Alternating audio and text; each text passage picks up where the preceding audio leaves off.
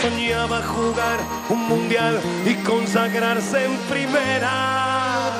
Tal vez jugando pudiera a su familia ayudar. ¡Grande Diego! Torque Lab. Ricard Torquemada, bona tarda. Bona tarda. Ara parlàvem del descens eh, del nivell defensiu de l'equip i així ho diuen les estadístiques i aquesta és la sensació que transmet, però és evident que ahir hi havia un nom que teníem sota la lupa com el de Jerry Mina i diguem que no va sortir ben parat d'aquest, no el primer, però un dels primers exàmens com a jugador del Barça. Sí, probablement errades individuals que ajuden a, a focalitzar en Jerry Mina, que jo crec que que hauríem de separar el, diríem que el rendiment col·lectiu de l'equip, mm. eh, el descontrol i, per tant, eh, d'alguna manera obrir les portes a que el Llevant pogués fer mal a les transicions i als contraatacs, eh, amb l'actuació individual de Jerry Mina, que s'equivoca eh, amb tres gols de manera mm. clara, tot i que no són equivocacions eh, diríem que vinculants al gol, però són equivocacions que, evidentment, en situacions d'emergència defensiva, com era tal com estava el partit, amb molts espais per, per ocupar i amb, i amb un equip que amb davanters que estaven molt encesos, doncs van passar factura al Barça. Per tant, primer concepte. Jerry Mina surt en la foto d'uns quants gols. Sí, mm, si tiréssim la foto enrere, mm. hi hauria uns quants futbolistes que sortirien retratats en la uh, transició defensiva. Sí. Començant pels davanters segurament i passant sobretot pels, pels migcampistes. La, la pregunta, vistes les errades, algunes eh, eh, de gruix de Sí. Jerry Minaí, és si a tu et canvia el concepte, divendres aquí al Tot Costa explicàvem que ara mateix, ara mateix no, divendres, la idea del club era mantenir el quartet de centrals, si tu, en virtut del que vas veure ahir, canviaries de parer. Jo no, per un partit no ho faria. I perquè, a més, tinc la sensació que el quart central del Barça, i és evident que Jerry Mina és el quart, eh, s'ha d'equivocar.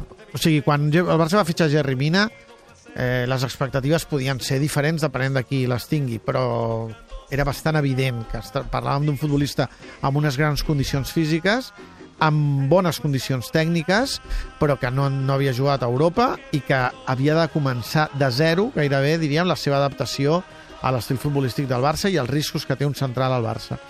Eh, amb els minuts que ha jugat de competició, eh, diríem que no ha tingut temps per, eh, per millorar gaire. Uh -huh. I és veritat que en les classes particulars, diríem, que ha anat fent o que havia de fer en paral·lel, eh, ha millorat poc. Però és que fa pocs mesos que ha arribat. Estem parlant de que va arribar al gener, no? Sí, Són quatre mesos de, de, de Jerry Mina com a jugador del Barça. Eh, el més important per a un futbolista jove com ell és poder-se equivocar per poder corregir. I ahir les equivocacions jo crec que totes responen a un element en comú, que és que no doma els seus instints. Eh, és un jugador que fins ara eh, es mou per intuïció i per instint, no està educat eh, fut tàcticament, mm. sobretot en situacions tan fràgils com les d'un equip que, que domina i que governa i que juga amb tants espais al darrere.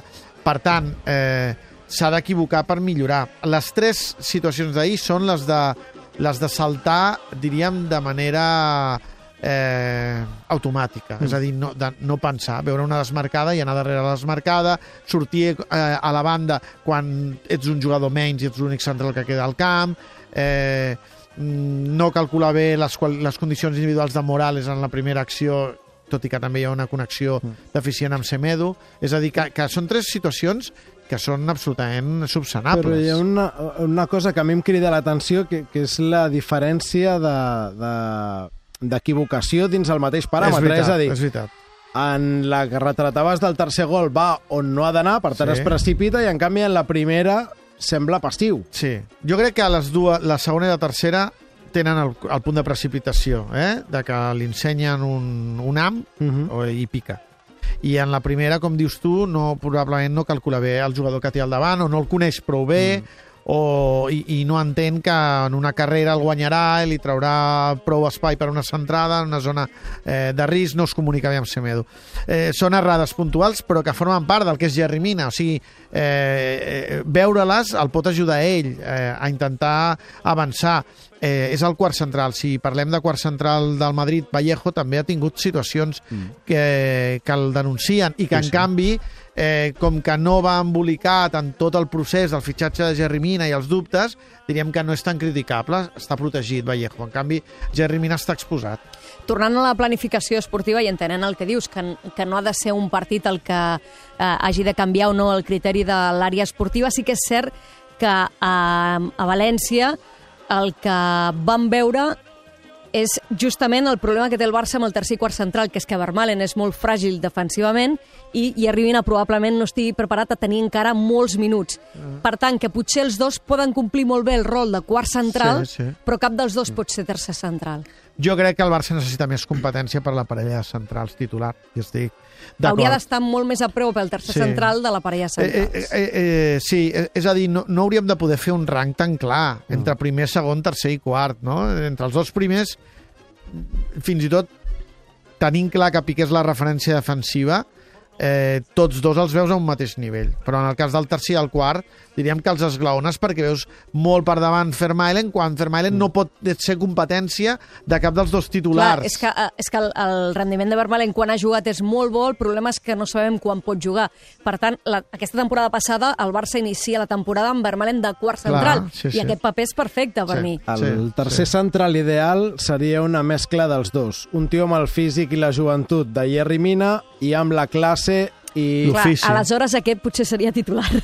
Mm, bé, no sé, Però- però... però com a mínim li podria discutir, Però quan sents Valverde parlar de Vermaelen, tot i la seva fragilitat, eh, eh, és evident que n'està enamorat, i en canvi quan el sents parlar de Jerry Mina, no. Per tant, si Vermaelen tingués el físic de Jerry Mina, Clar. bé, potser fins i tot podria, vaja, però em semblen paraules majors, desbancar ara mateix a, a Piqué i a, i a un tití. Però el cas de Jerry Mina necessita una atenció especial i si el Barça no té una atenció especial en la millora de Jerry Mina eh, no, no passarà mai de, I- de, de ser el quart central perquè I jugar partits, perquè és Clar. que clar, és que Sí, però tot- diria tot que el de d'ahir és el Sí. tercer partit de Lliga que juga des que va arribar, Sí, llavors... però, però- però segurament també vam veure el motiu pel Sí, qual sí, no ha sí, sí. jugat més, no, eh? clar, és que és tan verge tàcticament, o sigui, està, eh, eh, eh, està tan lluny del que és el context futbolístic europeu i del Barça en especial, que si no millora fora de la competició no podrà competir, i si no pot competir no podrà millorar, i per tant tot va vinculat. Jo crec que el que eh, és una obligació del Barça tenir una atenció especial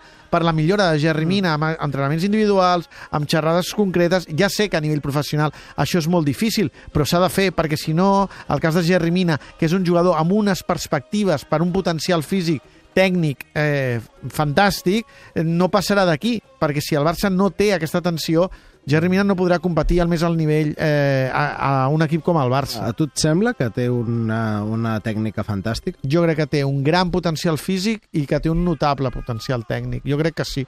Que, que el, el problema que té és saber triar en quin moment ha d'utilitzar-lo. Però ahir, per exemple, a la segona part fa una anticipació i una passada a l'espai a Luis Suárez després de, de, de, de recuperar que és d'un jugador ben dotat tècnicament. El que Mm. passa és que jo crec que no entén quan ha de fer unes coses, quan ha de fer unes altres, eh, surt de posició, en pilota a vegades pren riscos que no toca. O sigui, insisteixo, mm, atenció personal, formació i millora immediata, perquè aquí sí que no estem parlant d'un jugador del futbol base, estem parlant d'un futbolista professional que ha costat uns diners. Si no es fa això, Jerry Mina pot ser el quart central, però ha d'haver un moment en què s'hagi de passar, diríem, eh, comptes i dir eh, ha millorat prou o no. Si no ha millorat prou, mm, no arribarà.